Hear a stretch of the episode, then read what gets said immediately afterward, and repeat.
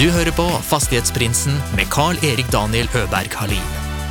I denne podden får du følge med på eiendomsinvestorer fra Sverige og Norge når de deler sine erfaringer og tips med oss lytterne. Gjestene er alt fra småbarnsforeldre med sin første enhet, til de mer etablerte haiene. God fornøyelse. Hur skapar man någonting av ingenting? Det får du lära dig av veckans inspirerande gäst när han delar hur han fick sex månader och en lånad laptop att bevisa sin vision. På den tiden satte han samman en deal som blev finansierad av Forward Funding och blev starten på S Property Group som nu utvecklar en ny stadsdel i Strängnäs, bygger och hyr ut samhällsfastigheter och säljer och hyr ut attefallshus till din tomt. Grymma prestationer och koncept. Säger välkommen in till Keivan Horsman! Tack så jättemycket Daniel, kul att vara här. Ja, tack så jättemycket för att du eh, huserar mig eh, när jag kommer och våldgästar Stockholm. Ja, du är varmt välkommen. Det är superfina lokaler, fina färger och material. ja, ja. Det här är kul, vi flyttade in precis för två, tre dagar sedan. Så Ja. att det, Ja, men då har ni kommit igång, Ja. ni kommit i, i hus fort, eh, fort tycker jag. mm, Vi, eh, vi prövade att spela in för en månad sedan eller någonting eh, innan sommaren och det, då det var tekniken som inte eh, var med oss. Men eh, nu sitter vi äntligen här och jag har eh, tänkt på det varje dag sedan dess. ja, Så nu är jag superklar. och eh, ni la ju ut eh, lite information på sociala medier och nyheter och sånt eh, ganska nyligen, eller häromdagen så jag med ert eh, spännande projekt i Strängnäs, Brobyholm heter det? precis. Ja. I orten Åkers styckebruk. Vilket fint namn. Ja, Ja. det är fantastiskt. Det och mycket, mycket mer ska vi prata om eh, lite längre fram. Kan du bara starta, eh, berätta lite om vem du är, din bakgrund, vad, hur kommer det sig att du ramlade in i fastighetsbranschen? Mm, absolut. Keivan heter jag som sagt. Ja. Eh, uppvuxen i Uppsala. Flyttade från Uppsala till Stockholm för drygt 15 år sedan och, och ville då satsa på min fotbollskarriär. Aha! Jajamän. Eh, och sen så eh, hade jag viss fallenhet för eh, matte och, och föll in i KTH. Det kändes som ett naturligt val. Ja. Studerade fastnade finans. Eh, min instinktiva tanke var att jag skulle inrikta mig mot finans och det gjorde jag. Mm. Började sen jobba på SEB eh, med mycket fokus på kreditanalys. Gick i min äldre brors fotspår och, och tittade vad han gjorde rätt och fel och, och gick, gick åt det hållet. Så jag började fokusera mycket på finans på SEB, eh, stora som små krediter, bra och, och sjuka krediter. Okej, Ehm, nu får du utdjupa lite snabbt vad det innebär. Ja, nej, men det är distress stepped kallas ett visst segment när det är bolag som har lånat pengar som ja, det inte går så bra för. Nej. Där eh, man eh, i vårt fall som bank då vill titta på vad har vi för alternativ eh, att eventuellt komma ur våra positioner eller och vad ja, vilka alternativ är det? Eh, eller, eller tror vi på det här och ska vi liksom hänga kvar och, Mm. och så vidare och så vidare. Ja. Eh, så en väldigt, väldigt lärorik men intensiv tid eh, Mm. när jag jobbade på den avdelningen. Mm. Spännande. Så att generellt mycket inom kreditanalys. Mm. Eh, sökte mig till det som var core inom SEB, vilket var mycket corporate lending. Ehm, inte så mycket fastighetsutlåning. Nej, okej. Eh, men efter ett antal år på SEB kände jag att nu vill jag testa något nytt och gå vidare. Och funderade ganska länge på vad, vad jag bör eh, gå vidare till och då hade jag under min tid på SEB också köpt en fastighet med gamla klasskamrater och, Mm. och kände att eh, ja, men fastigheter borde, borde kanske det, vara någonting för att eh, fastigheters eh, liksom, råvara är någonstans kapital Mm. och, och därmed också väldigt mycket lån och det är någonting jag jobbat med mycket. Ehm, så då så tänkte jag att ja, men jag har ändå någonting här jag kan bidra med och som jag tagit med mig från, från mitt tidigare liv på banken. Mm. Ehm, så då eh, så sa jag upp mig en dag eh, utan någon egentligen tydlig plan på vad, jag skulle göra konkret. Okej. Ehm, hade lite tankar, jag skulle skala upp några småskaliga fastighetsprojekt men istället så krockade jag ihop med eh, herrarna på Serendipity Mm. ehm, som då sa att de inte hade ett affärsben inom fastigheter och, och de eh, kunde se mig eh, eventuellt starta det eh, och då så fick jag börja på villkoren att eh, vi tror inte på fastighetsmarknaden och vi tror inte på dig så att du får nu bevisa dig. Du får sex månader på dig. Bra förutsättningar. Ja, ja, det var fantastiskt och jag Ja. går igång på de där tuffa Ja. utmaningarna. Ehm, och, ja, på sex månader så skulle jag skapa värde, vi är konkret eh, x miljoner kronor. Ja. Mm, som jag också lyckades Ja. eh, under de här sex månaderna. Det är helt eh, rått. Ja, det var verkligen eh, rått. Men det var, det var också väldigt lärorikt. Ja. Ehm, och nu, Kan du berätta lite hur du skapar liksom någonting utav ingenting? Alltså du fick en dator och en telefon och så, så Mm. off you go. Ja, jag fick, jag, jag, fick låna en dator och telefon som jag sen fick betala för.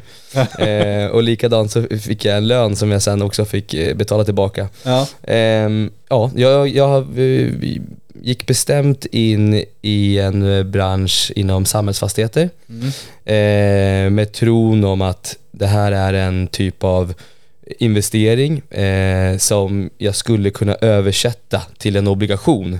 För att eh, inom Serendipity så gjorde man då inga fastighetsinvesteringar och då tänkte jag att det här är någonting jag skulle kunna översätta.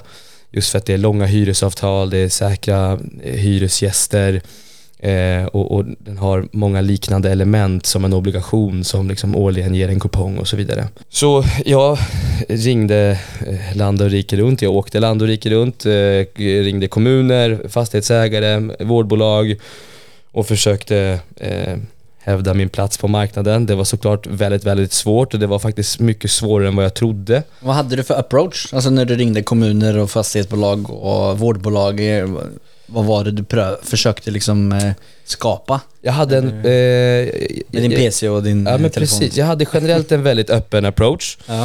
Eh, men innan jag ringde så tittade jag oftast på, om det var en kommun så tittade jag på vad var det för typ av eh, samhällsfastigheter de hade underskott utav. Eller om det var ett fastighetsbolag så tittade jag vad det är för fastigheter de har och vad det är för fastigheter de vill fokusera på. Om de hade några produkter eller investeringar som liksom hamnade lite utanför deras Ah, core. smart. Ehm, och sen så kontaktade jag vårdbolagen för att se vad var deras core-fokus och försökte liksom, ja, eh, därigenom hamna i deras fokusområde. Mm. Men fastigheter som vi vet är eh, väldigt stora investeringar i, i, i kronor eh, och, och eh, jag insåg ganska snabbt att det var väldigt svårt för motparter att ställa om till nya motparter. Eh, även om de tyckte att det, det lät bra och känslan kändes bra med mig så var det fortfarande liksom en, en för tung omställning att ja, men nu har vi gjort affärer med det här bolaget i tio år eh, och även om det du säger låter väldigt bra så är det trots allt en investering på x 100 miljoner kronor och, och vi vågar inte bara göra ett sånt här skifte. Du startade i, i det lilla, eh, på den lilla skalan med några hundra miljoner bara. Ja, nej, men det blir lätt så när man tittar på fastigheter. Ja. Det, det liksom, eh, det pratar man bara om 20-10 miljoner så då blir det väldigt lite att prata om. Du sitter till, liksom eh, jobbat eh, på SEB och Corporate Finance och bli- blivit eh, van vid att liksom eh, operera på ett viss, eh, eh, en viss nivå. Mm. Tror du att det spelade någon roll? Tror du? Alltså, alltså det är ju vissa som startar med ett och ett hus. Du hade gjort något hus med dina kompisar sa du. Mm. Alltså, vissa går ju bara den vägen vidare att eh, ja, men de köper ett och väntar två år tills det ökat och refinansierar, köper ett till och liksom en och en och en.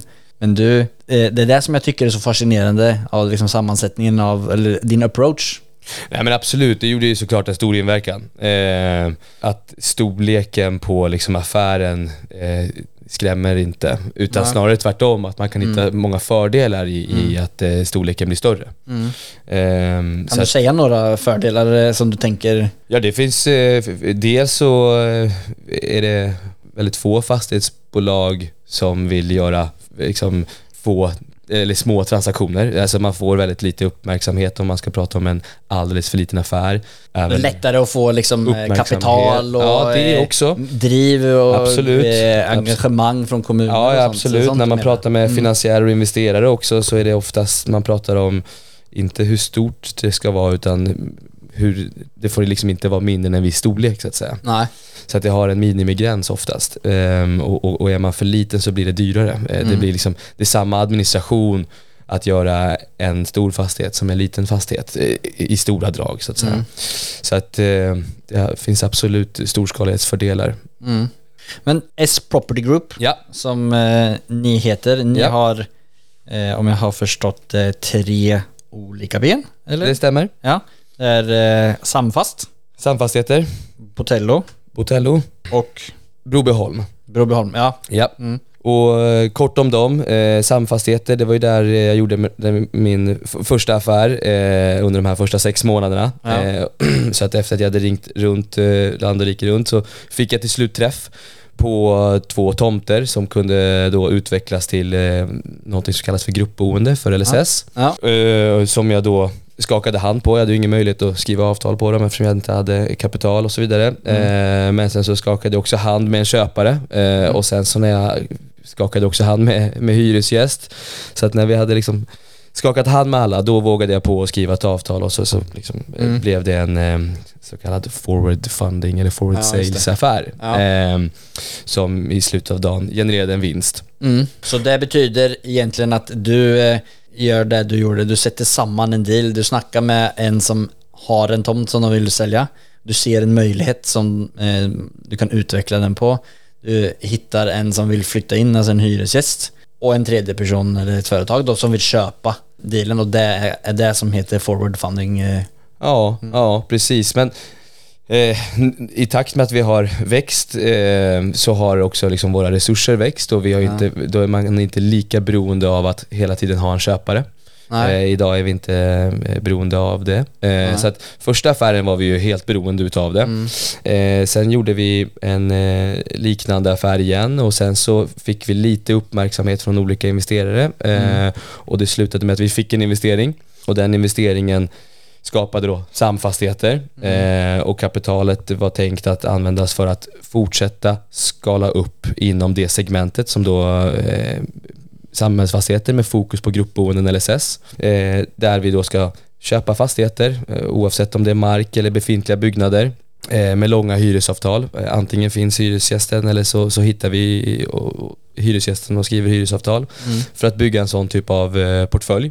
Och idag så har vi ett eh, JV med en, en fond som heter Estea, eh, omsorgsfond. Ett joint, joint, Joint venture. joint venture, ja, Ja. precis. Som vi- Slänger alla förkortningar här så Ja, att, ja eh, precis.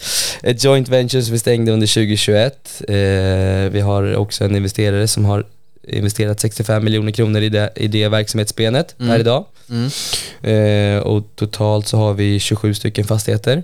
Mm. Eh, Som är uthyrda till eh, olika typer av Ja. vårdbolag liksom. Ja, precis. Och då, ja, i, regel så köper vi inte fastigheten innan det finns en hyresgäst. Vi vågar liksom inte spekulera på den delen. Mm. Eh, och det kommer liksom tillbaka till att vi är för små Mm. för att ta de riskerna. Så att vi måste se till att vi har en affär innan vi gör affären. Mm, men tillbaka till det där forward funding, jag tycker det är så jävla fascinerande. Eh, för det, liksom, hela den här podcasten och jakten som jag är ute är ju att försöka finna olika pusselbitar för eh, liksom, de som inte är så, så etablerade. Kanske de som inte har gjort en deal, sin första, alltså de som letar efter sin första transaktion och Mm. som många pratar om då att man har inte egen kapital och, men det där du, det här forward funding, Ja. det där är ju eh, att förstå den dynamiken är ju jävligt spännande. Alltså Mm. för där skapar du ju verkligen någonting utav luft. Ja, För det, är- ja. men det, det, du sitter ju, det är liksom i din, i din hjärna. Du ringer runt till alla kommuner i Sverige och har en vision om vad det är du letar efter. Mm. Och så har du några eh, antaganden att de här och de här hyresgästerna kan vara intresserade. Mm. Eh, såklart man har kanske luftat saker och ting för dem men man, det är ju ingenting som är färdigt förrän det är färdigt. Mm. Och så får du kanske det ena och det andra. Då kan du börja presentera ett lite mer, lite mer färdigt potentiellt case. Eh, men du har ju fortfarande liksom inte investerat någonting mer än din tid och din kreativ- kreativitet. Nej, men hemligheten, eh, vilket inte är en hemlighet, det, ligger ju i att du får ett, ett eh, hyresavtal. Och det är det som genererar ett kassaflöde. Så att från att man tittar på en, en tillgång som är mark eller byggnad, eh, ja, så tittar man oftast på kvadratmeterpris. Men sen när man har ett hyresavtal så börjar man snarare titta på kassaflödet. Eh, och, och de sätten att värdera tillgången liksom, eh, skiljer sig i värdet. Eh, så att eh, när det finns ett kassaflöde så värderas tillgången generellt högre. Ehm, och, och det är just den mellanskillnaden som blir då en, en vinst till utvecklaren. Ja. Men det är ju många som jag pratar med eh, och alla som gör liksom bra affärer. Mm. Det är ju din kreativitet som gör att det finns ett värde. För den där ligger ute offentligt för alla för exempel. Ja. Eller eh, det är många som tittar på ett objekt men det är din eh, kreativitet som, som eh, liksom sätter samman hela värdet. Ja, jag, jag tror kreativiteten finns hos alla. Det som jag tror är unikt det är väl snarare pannbenet. Att, Att man inte ger sig. att man inte ger sig. Okej. eh, och, och det är ganska tröttsamt att få 200 nej. ja. och, och liksom inte bara ett nej att nej men du är också för liten och det, det här går inte ihop. Och så, Var det, så- övade du där på när du spelar fotboll? Du nickar mycket. Ja, jag vet inte riktigt var det kommer Nej. ifrån, men jag tror att det är väl det som är eh, eh, det unika. Jag tror att många vet att så här ser liksom en, en affär ut. Ja. Jag menar, det står i många årsredovisningar om man tittar Ja. på alla eh, fastighetsutvecklare eh, som, som utvecklar liksom hyresbostäder eller liknande. De Mm. köper mark och så, så ja, får de ett kassaflöde som värderas lite annorlunda. Eh, men det är just att man, man, man, man ska inte ge sig. Och det är givetvis så att man får väsentligt mycket mer nej när man Mm. har en väldigt liten body. Mm. Eh, och väldigt lite historik och väldigt litet nätverk som, Ja. som jag då hade initialt. Ja. Du behöver bara en, ett ja av 200 Det räcker. så skapar du lite track record. Ja, visst. Och jag blir väldigt fascinerad och motiverad av just den där, eh, alltså kanske det är så alla deals fungerar på ett eller annat sätt. Men så som du beskriver det så, eh, så är det ju mer målinriktat på jakt än att du sitter och skannar igenom objektvision eller fin.no eller eh, Blocket eller vart man hittar. Det är inte kanske där alla stora tomter ligger ute men eh, du förstår menar. Du är på Nej, jakt men det- efter det och, det- och har en tydlig vision efter det. Så det blir sån eh, liten eh, hänger på kroken att eh, har man inget egenkapital så är det ju din kreativitet som sätter stopp för hur stor en deal eller hur eh, bra ett värde kan skapas. För du sätter ju bara samman massa personer och Nej, precis. Det är kreativitet och, och Mm. framförallt drivet. Och, och det är ju lite det andra benet också, Brobyholm. Jajamän. Där eh, ligger det ju lite samma historik bakom eh, om jag inte förstår det. Alltså, kan men- berätta lite om det? För det är väldigt Nej, spännande. Det är ganska snarlikt. Det är mycket driv Ja. som ligger bakom det också. Nu när vi har tagit in investerare och så vidare till samfastigheter så betyder inte det att vi kan använda det kapitalet till någon annan investering utanför eh, samfastigheter utan eh, är ju en egen entitet eh, Mm. med egna investerare och egen affärsplan och så vidare. Mm. Så det betyder att när, man, när jag väl började Brobyholm så började jag det på, på liknande sätt. Det vill säga att, eh, ja, egentligen inget kapital. Ehm, och eh, för Brobyholm så hade jag en, eh, vi haft en ganska långt gången vision eh, och den kommer egentligen från Botello eh, där vi jobbat mycket mot Villa Sverige där vi Ert sätter- tredje ben. är precis ett tredje ben. Eh, men där vi tänkt väldigt mycket att man borde kunna göra mer än att bara bygga fyra väggar och tak och bygga liksom fina eh, hus och fina bostäder utan att man ska kanske kunna investera i element som eh, smarta hem, element som infrastruktur, som eh, eh, grönare alternativ, liksom energidelning, bilpooler Mm. eh, och, och liksom verkligen titta på Men ni är alla med de... och skapar någonting, för det, just nu så är det bara en åker liksom. Ja, precis. Det, det, det är en, eh, en väldigt vacker åker. Ja. Men det som, jag, det som attraherar mig är att på den här åkern så finns det inget vatten, det finns inget, alltså det finns inget kommunalt vatten och det Nej. finns inget, inga rör dragna och det finns eh, inget el draget. Så det gör att man kan vara med och påverka i, från grunden. Mm. Och då tror jag att man kan göra väldigt, väldigt stor skillnad och, och verkligen ja, göra det som gör det verkligen hållbart på riktigt. Eh, och att man eh, då inte behöver tampas med att ah, men den där investeringen är redan tagen, då får vi leva med det, eh, då får vi liksom anpassa oss därifrån, utan här är det väldigt mycket clean sheet som vi kan utgå från. Och då är det verkligen liksom kreativiteten som får flöda. Ja, men när man eh, står där på den vackraste åkern i hela Sverige Ja. och ska bestämma alla de här grejerna. Eh, alltså hur ser man på alla de här sakerna? Vad är det som är viktigt? Eh, liksom för att dra rör för exempel. Ja. Eh, alltså så att, vad är det som kan hända om du drar rören åt det hållet? eller Nej, precis. Nej, men det finns, det finns eh, två element utav det. Det ena är ju det finansiella, hur man liksom köper den, eh, återigen med liksom begränsade resurser. Och den andra är återigen att eh, göra det rätt och göra det bra. Och, vi, och jag är väldigt ödmjuk till att utmaningen som följer är enorm. Det är väldigt svårt och det kommer med ett enormt, enormt ansvar. Så att då är det vä- väldigt viktigt att samarbeta med folk som är proffs på sin, inom, inom sin gren. Eh, så att infrastruktur är någonting som vi inte kan och som jag inte kan och som uppenbarligen är liksom väldigt, väldigt viktigt som bara måste fungera. Så att det var den första saken som jag kände att det här, om inte vi har en person som verkligen kan det bra och som är välkänd inom branschen, inom infrastruktur, då vågar inte jag göra den här investeringen. Så då hittade jag en person eh, som, som gjort det tidigare, som är välkänd inom branschen, som numera eh, jobbar med oss kring, kring eh, just infrastruktursdelen. Och sen när det kommer till de tekniska delarna kring när man pratar om energidelning eller smarta hem, ja, då har jag liksom lämnat fastighetsbranschen och tittat över hos industrin eh, och Okej. pratat med Vattenfall, pratat med Samsung, pratat med ABB och även numera med 3 eh, eh, för att prata om 5G-nät. Men, men så att man liksom inte hela tiden stirrar sig blind på den branschen man står i utan hela tiden tittar på vem är bäst på det här. Eh, jag vet att jag inte är det, men jag vet att jag vill att det här projektet ska bli, eh, stå ut och vara bäst.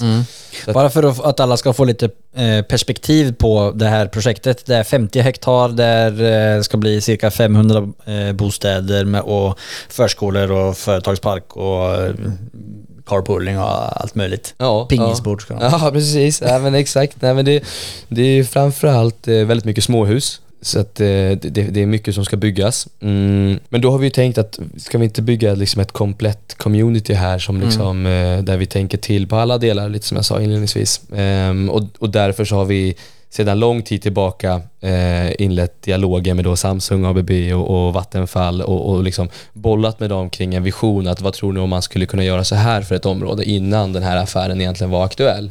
Och det var högintressant för dem. Och ja, sen kom ju den stora nöten att knäcka och det var hur fasiken ska vi kunna finansiera det här? Eh, för att den här marken har ju varit ute på en, en öppen försäljning. Eh, Alla stora fastighetsbolag som är många, många gånger större än oss har ju fått möjligheten att köpa den men majoriteten har tyckt att den är för stor eh, och bara velat köpa delar utav den. Okej. Men eh, vi vågade oss på att köpa hela, eh, hela fastigheten. Ja. Och eh, ja, det gjorde ju att vi eh, tvingade oss till en viss typ av strategi, det vill säga att innan vi köper så måste vi, måste vi sälja av vissa delar innan vi köper. Körde handslaget eh, Nej, igen?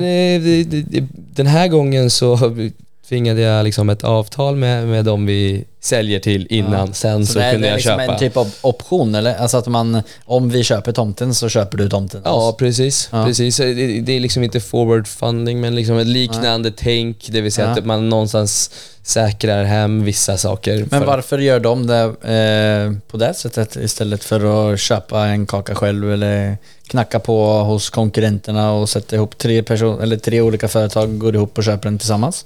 Fastigheten är så pass stor så att det kräver ett ansvar kring infrastruktur. Och Ja, eh, Många större bostadsbolag vill gärna fokusera på att göra det de är bäst på. Eh, I det här fallet bygga bostäder och Mm. inte bygga infrastruktur.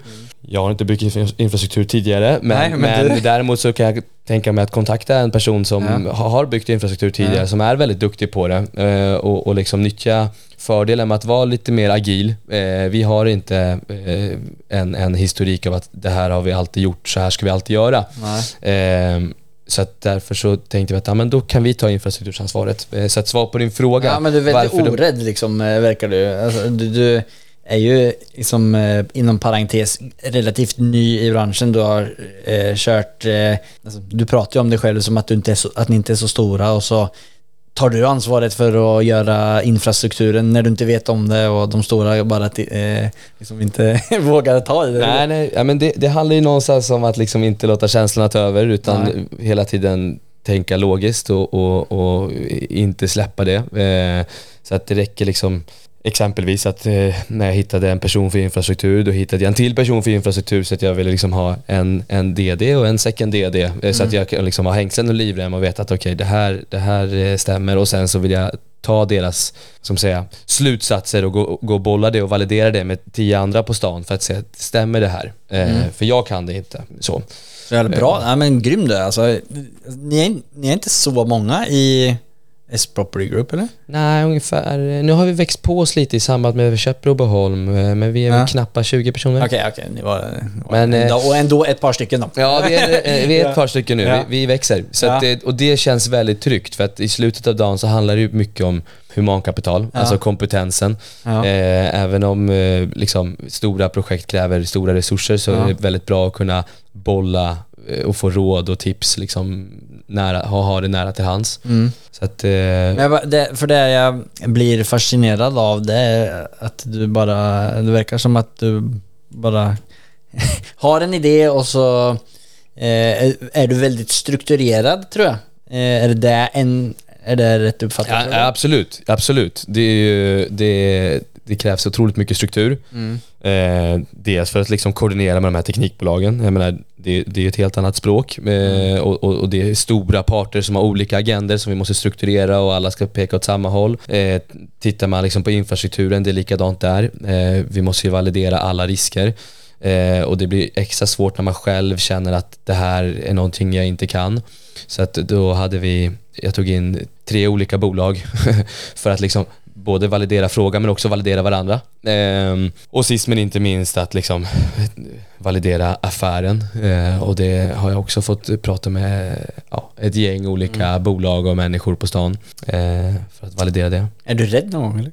Ja, men inte för, eh, inte för det här, utan det här liksom är binärt. Antingen så gör vi det eller så gör vi Ja. det inte. Och Ja. gör vi det inte, då har vi gjort det av, liksom, av rationella anledningar. Och gör vi det så gör vi det av rationella anledningar.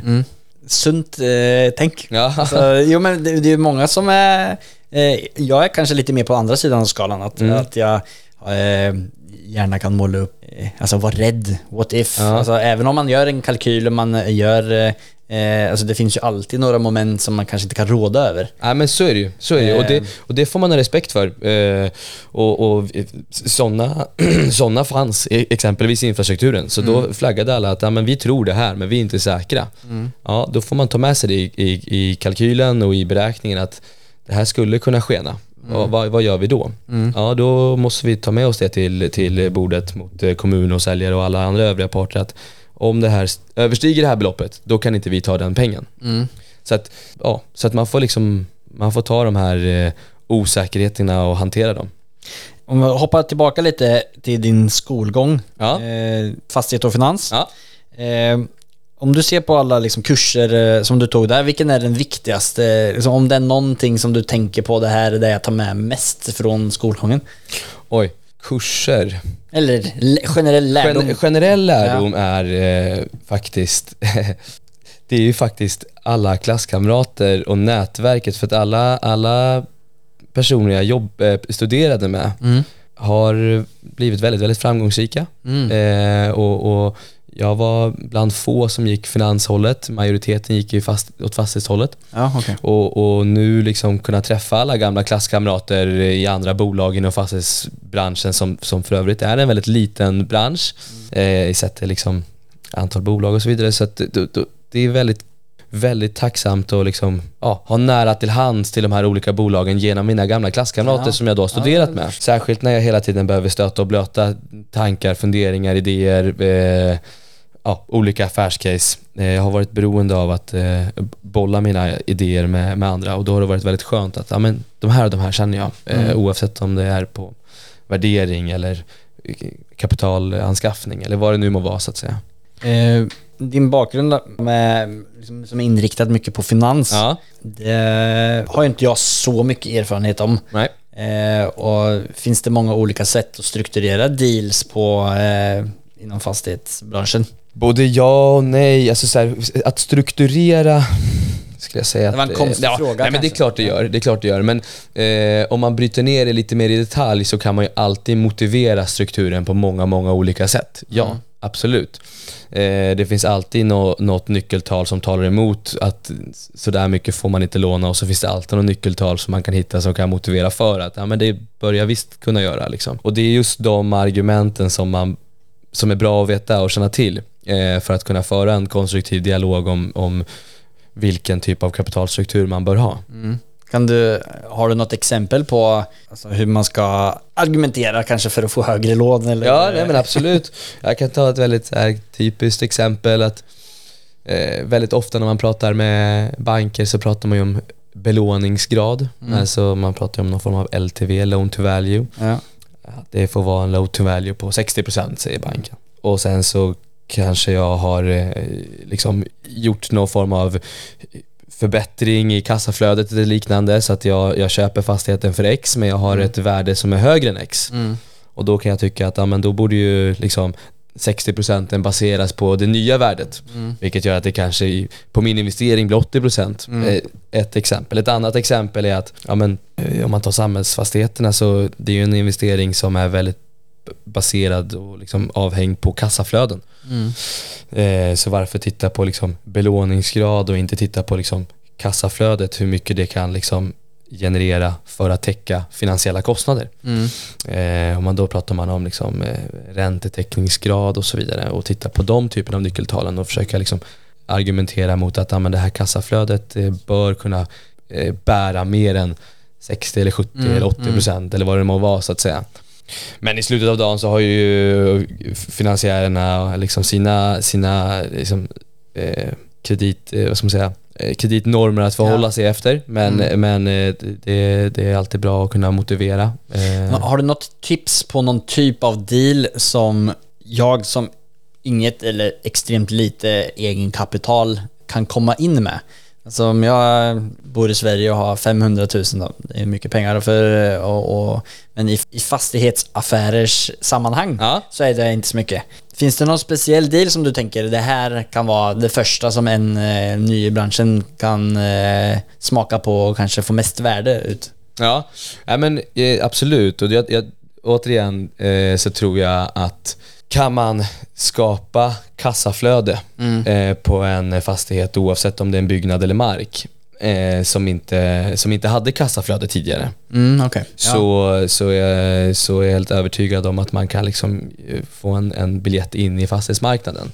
Vad det betyder, eh, liksom, om man bryter ner det lite detalj, så betyder det att innan man köper en fastighet, eh, kanske när man har skakat hand då, eller liknande, eller eh, innan man har skakat hand, eh, att man har pratat med en, eh, en hyresgäst Ja. som vill hyra den här fastigheten. Ehm, och att man då vet att ja, så fort jag köper den här, då har jag en hyresgäst.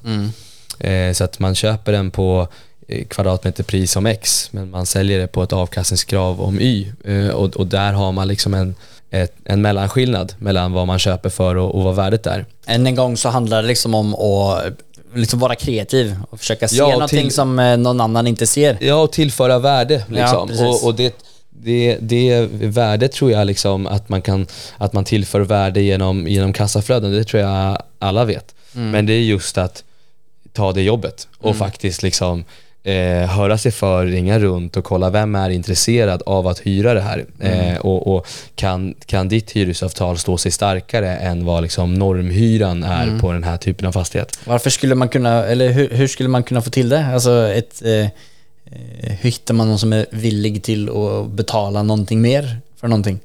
Ja, Annan typ av användning. Ja. Så att det skulle kunna vara att det här, det här är ju liksom en fastighet som är ute för detaljplan. De har tänkt att använda det som någonting men här skulle vi faktiskt kunna jag har en, en person som jag vet eh, skulle vilja hyra det här som ett hotell. Eh, exempelvis. Och, och de, de här är jätteintresserade av att etablera sig här och vill skriva ett långt och fint hyresavtal och, och, och betala eh, något högre än vad liksom, bostadshyra här är.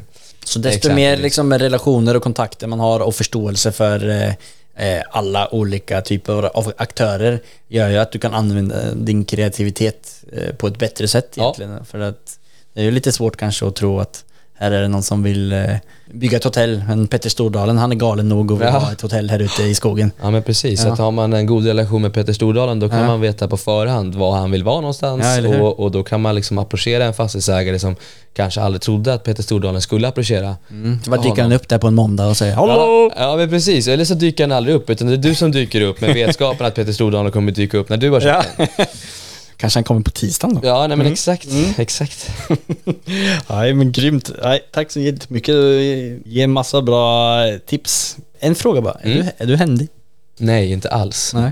tyvärr. Jag ger upp ganska snabbt eh, när jag ska försöka. Var det därför du satsade mycket högre så att du inte var tvungen att liksom att använda hammaren själv? Ja, nej man får, ju- man får ju veta sina styrkor och brister. Ja. Eh, återigen, min styrka är, är kapital och därmed Ja. liksom sy ihop en affär.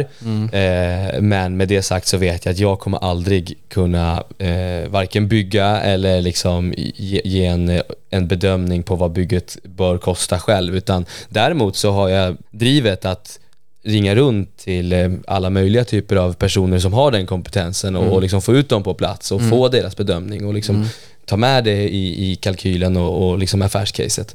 Men jag själv kan inte bygga och, och nu börjar jag liksom känna att jag bör fokusera på det jag är bra på och inte liksom lära mig att bli bra på det jag är jättedålig på. Ja, nej.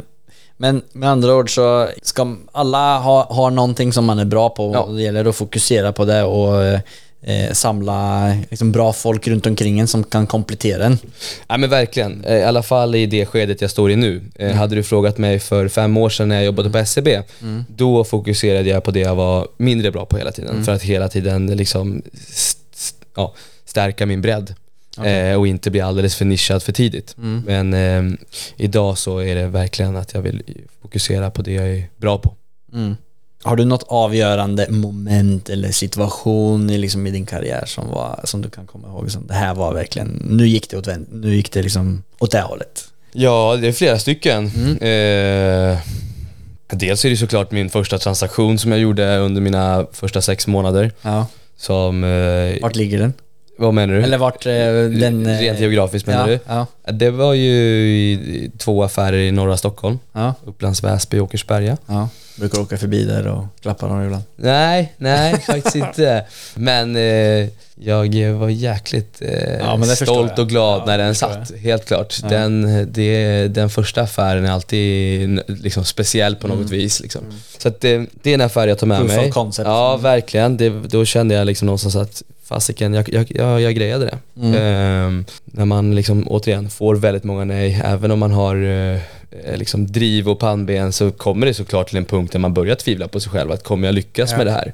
Ja. Så det var ju ett väldigt eh, skönt kvitto att få, Ja, att ja, men jag jag. fick igenom det. Mm. Ehm, och sen så har det varit såklart delmoment i resan eh, med olika kapitalanskaffningar, olika typer av affärer som eh, fortsatt liksom varit både svåra men också liksom när man genomfört det att det har varit ett kvitto att ja, men vi, vi, vi grejer det här. Grymt. Nu hoppar vi vidare till vårt nästa segment som heter Affärsanalysen. Det är det segment där vår gäst delar med sig om en genomförd transaktion, delar med sig om lite tal, hur man finansierar den, vart den låg och vad den... Eh, något speciellt med den. It has not been easy for me. And, you know, I, I started off in Brooklyn. My father gave me a small loan of a million dollars. Affärsanalysen. Speciell eh, transaktion. Känner att du vill dela med dig om? Det finns flera transaktioner, eh, men jag kan väl ta och lyfta en transaktion som jag tyckte var lite unik. Eh, som också blev eh, någon form av nytt proof of concept att jag aldrig trott att det går, men det gick. Så det var ett förvärv vi gjorde av eh, fyra stycken eh, vårdfastigheter. Eh, där vi innan förvärvet eh, gjorde vissa justeringar på hyresavtalet så att vi hade en dialog med, med säljarna och vi hade en dialog med hyresgästerna. Så att när vi tillträdde fastigheterna så hade vi lite bättre hyresavtal och därmed lite högre värde. Okej, vänta. Hur, hur eh, fick ni liksom mandat till att gå in och säga hej, vi ska bli era nya ägare av fastigheten. Vill ni vara kvar så, så är det de här hyrorna som gäller. Nej, så, så enkelt var det inte utan det var mer att eh, vi ska köpa fastigheten, eh, vi ser att det finns vissa underhållsbehov av fastigheten. Ja. Eh, om ni vill så kan vi genomföra dessa underhållsbehov eh, i dag ett. Men eh, då ser vi gärna att vi gör vissa justeringar på hyresavtalet. Ja. Vill ni det? Om inte så kör vi på som vanligt. Ja, Och då, det ville de och hyresavtalet blev mycket bättre än väntat och värdet blev mycket högre än väntat. Så att differensen mellan vad värdet var och vad vi köpte för blev väldigt stort. ja. Eh, och sen när jag skulle då finansiera den här affären eh, så eh, vi köpte fastigheterna för X men jag fick lån baserat på vad värdet var. Och det Okej, slutade... för, oavsett vilken size det är då, vi säger vi leker med jämna tal då. Du köpte den för 10. Och jag fick låna 20. Hur mycket renoveringskostnader skulle du ha eh, på den? Nej, det var, det, det, det, det var inom ramen av 10. Eh, Så att det, det blev... eh, Sen är det såklart, det är ganska hög risk att göra så, Ja. såklart. För att det, betyder ju inte att jag gör en, en vinst, utan det betyder ju bara att jag får väldigt mycket högre lån. Men å andra sidan så hade jag en till affär vi tittade på parallellt som vi skulle skjuta in pengar på, men då, då kunde jag använda ganska billigt kapital till att förvärva den. Eh, Vad innebär billigt kapital? Ja men det, generellt så är ju bankmarknaden mycket billigare än Ja. eh, equity-marknaden. Ja. Så då kunde jag Alltså använda- equity betyder eh, privat företag. Det betyder eller- eget kapital från investerare. Så att eg- investerarna har ju då högre avkastningskrav just för att de har inga säkerheter och banker har eh, eh, lägre avkastningskrav för de har ju säkerheter i fastighetspant och annat. Alltså eh, betyder det att när man lånar ut till eh, equity-företag så tar de inte eh, säkerhet eller får man inte ta säkerhet? Eller får de inte ta säkerhet? Nej men, eller hur fungerar det? nej men precis, att när man pratar om equity så pratar man ju om att det är en investerare Mm. som, som skjuter in kapital. Eller eh, ja, ägarna själva skjuter in kapital så att Mm. säga. Och då kan man, in, eller, eller kan man inte ta pant? Eh, kan kan man, men då, då går det inte att belåna eh, Nej, just det, då blockar man Då själva- blockar man ju banken. Ja, just det. Så då blir då det, vill inte banken vara med? då kan inte banken vara med, precis. Nej, förstår. eh, så att eh, då så kunde vi liksom använda säkerheterna i en Ja. affär som, som, som medel både för att liksom belåna det men också som equity till nästa affär som vi då kunde belåna med bank. Ja. Så det, blev, det, var, det var intressant hur det kunde bli så. Ja. Eh, men det där är lite intressant när du ändå är inne på det. Jag hade dialog med en, eh, en som hjälpte mig lite med ett hus just nu. Han sa det viktigaste är att du får eh, liksom ett finansieringsbevis på ett sätt som gör att du har att banken säger ja eh, till eh, att du får liksom signa avtalet. Ja. Eh, men så har du kanske några tankar då, kreativa tankar om hur du ska göra, kanske öka värdet för när man väl ska göra övertagelsen Mm. så har du, eh, om man är kreativ som du, Mm. gjort någonting med kassaflödet, Ja. gjort ett avtal med hyresgästerna som Mm. gör att okej, då ska vi i banken, eh, då ska vi se här, du köpte den för 10, ja. Eh, ja men du visar fram en, eh, en värdering på 20 nu. Mm. Okej, klart du ska få lite mer lån eh, på det. Alltså, och- Ja, precis. så det är jävligt spännande hur man kan leka med det där. Du har köpt någonting eh, med sån traditionell bankfinansiering för exempel, men eh, man använder övertagelsestiden till att göra något kreativt som det Ja, precis. Det, det är tyvärr lättare sagt än gjort att Ja. motivera det nya värdet till, eh, eh, Till bankerna. bankerna. Ja. Men att, att vi väljer att liksom jobba med en värdestegring innan vi köper, Mm. det eh, så behöver man inte göra. Eh, man kan vänta. Men, Ja. men när vi återigen eh, förhållandevis är- har en ganska tunn balans Mm. så vågar vi inte ta risker. Eh, och det gör att vi tvingas att liksom ha, alltid vara på rätt sida av nollan. Annars så kan vi inte göra en affär för att vi, Nej. vi kan inte spekulera eh, för mycket på de här fastighetsaffärerna för det är som sagt det är stora tal och, och går det lite snett så kan det gå väldigt snett för oss. Så att vi ser alltid till att liksom göra den där affären på hyresavtalet innan vi köper för att annars så... Är det vanligt att man gör så eller? Ja, ja. Är det? Ja, Ja. Nej, men jag kanske bara är orutinerad i liksom i de sammanhangen. Men det, det gör ju också att du, det blir svårt att göra väldigt många affärer. Eh, utan man blir ju väldigt selektiv. Eh, så att de affärer man gör måste man liksom, eh, ja, det, det, det, blir svårt att göra så i stor skala helt enkelt. Men eh, jag förstår verkligen att eh, Men har man inte kapital då får man lägga in energin istället. Ja, nej, men jag förstår att, jag skulle, jag skulle säga att herremännen i eh, eh, Serendipity, att de slängde en eh, dator och en eh, telefon Ja. på det. Ja. Bra, bra investering av dem också. Mm. Eh, ja men jäkligt bra. eh, Fasen jag får massa eh, kul eh, tankar nu av att Ja, sitta och snacka roligt, med dig. vad Alltså. Eh, Vi joggar vidare till eh, vårt nästa segment som heter Fyra frågor och det är de samma fyra frågorna som vi ställer alla gäster. Mm.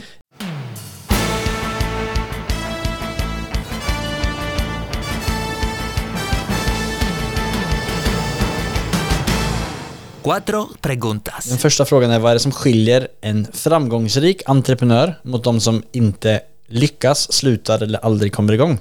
Drivet. Det är drivet. Ja, aldrig upp. Ja. Pannbenet. Ja, det är pannbenet. Ja. E- e- Enligt min mening. Mm. Så det skulle jag säga. Men Sen är det är ju- klart att det finns eh, duktiga entreprenörer som har klarat sig utan pannben, som kanske liksom har ett väldigt starkt nätverk eller liksom Mm. har, en, har en historik som de kan ta med sig framåt eh, som gör att de eh, lyckas väldigt väl också. Men eh, jag skulle generellt säga att över tid så är det driv och pannben. Mm. Men du har ju, jag vill ju säga att alltså, i ditt fall så eh, jag, jag upplever att du är väldigt kreativ. Jo, men det är jag ju absolut. Men det, det är jag också tvungen att vara. Jag har hade, jag, hade, jag, hade jag behövt, eh, hade jag haft en mycket större liksom, kapitalbas att utgå från, Ja.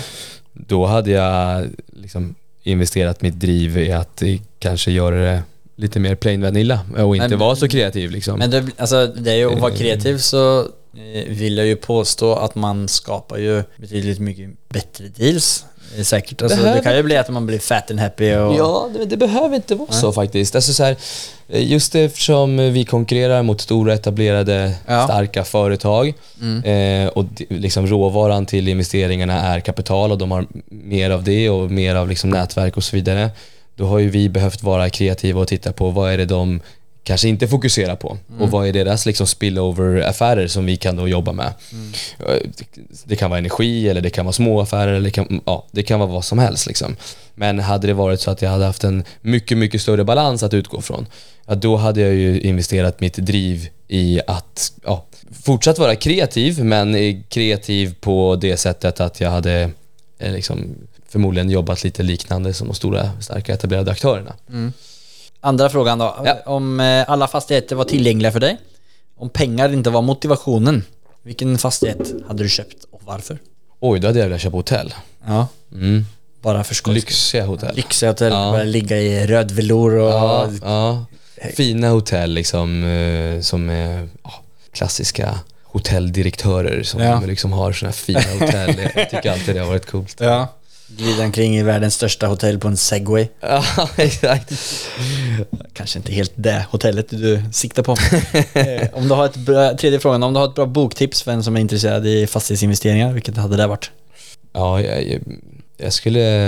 Ja, det finns ganska många. Det finns ju Intelligent Investor som jag tyckte är bra. Jag tycker också liksom vissa av de här framgångsrika personerna som inte nödvändigtvis är inom fastighetsbranschen, exempelvis eh, grundarna av Serendipity, Said och Ashkan, Miljardmakarna. Jag tycker det motiverade mig en del. Mm. Jag tycker också Petter Stordalens bok var eh, motiverade.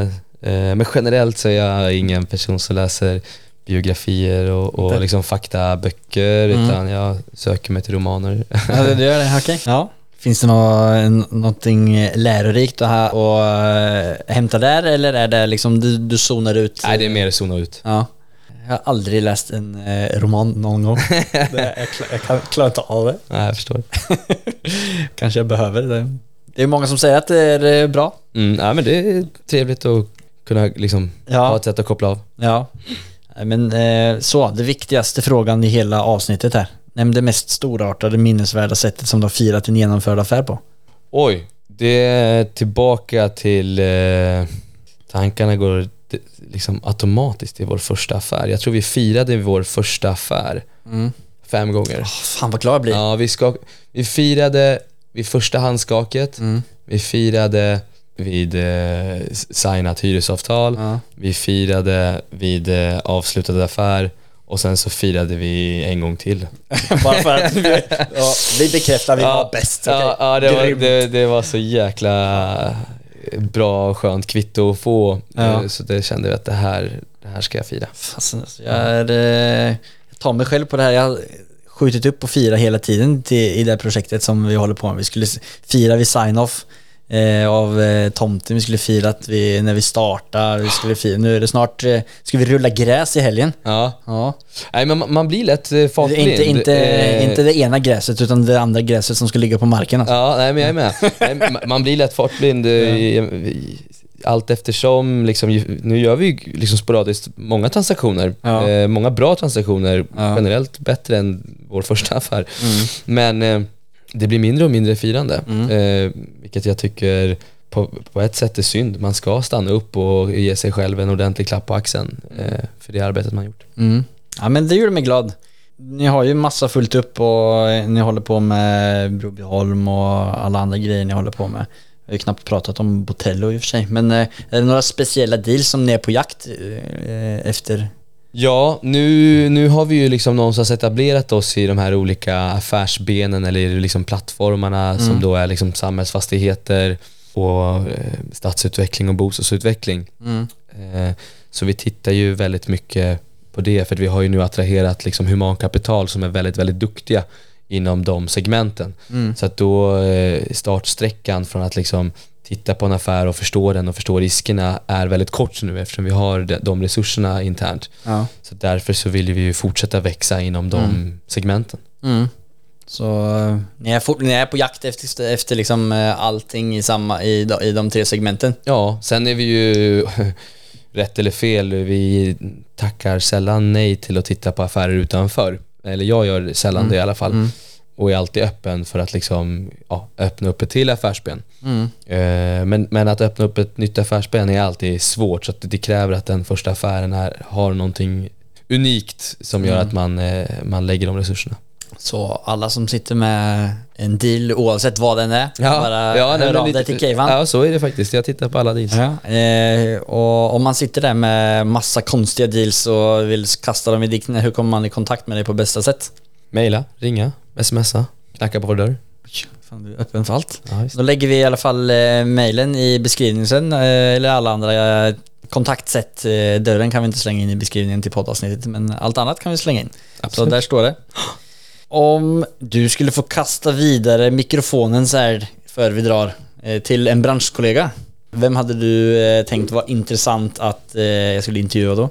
Det är en person i London Mm. Som är ansvarig för ett stort bostadsprojekt i eh, Wembley som heter Quintain Living. Han heter Rajesh. Jag tycker att han är väldigt intressant. Så att det de har gjort, de har ju tagit ett, eh, en gammal industripark, alltså Wembley, och gjort det till ett väldigt, väldigt hippt eh, bostadsprojekt eh, med mycket fokus på community, communitytjänster och communitykänsla. Och de har lyckats väldigt, väldigt, väldigt bra att göra liksom en plats till eh, som har varit liksom industri och som ingen, ingen egentligen kände till mer än att det Nej, var en okej. industriplats. Coolt. till att nu vara en väldigt attraktiv bostadsplats. Ja.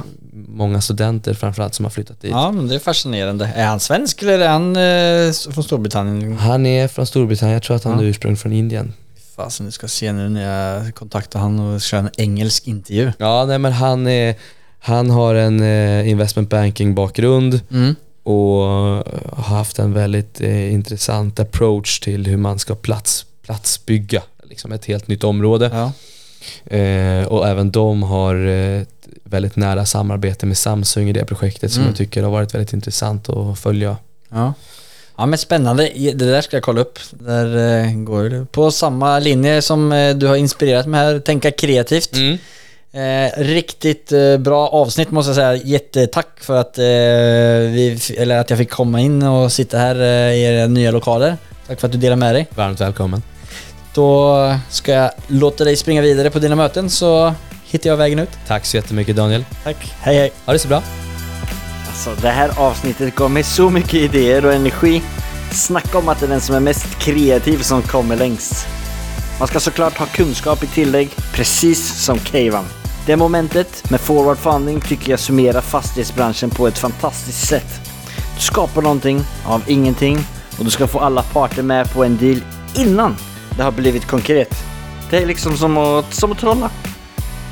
Vi hann inte ens komma in på deras företag Botello vars affärsidé är att sälja attefallshus till dig som har en stor tomt. Hjälpa dig med sökningsprocessen, bygga det och sen till och med hitta en hyresgäst och hantera den. Du får eh, bara ta emot pengarna i form av hyra i slutet av månaden. Är inte det genialiskt? Och kreativt? Tiden för mig är nu inne att plocka fram telefonkatalogen. Nu har jag 356 norska kommuner att ringa för att skapa någonting utav ingenting. Ha det!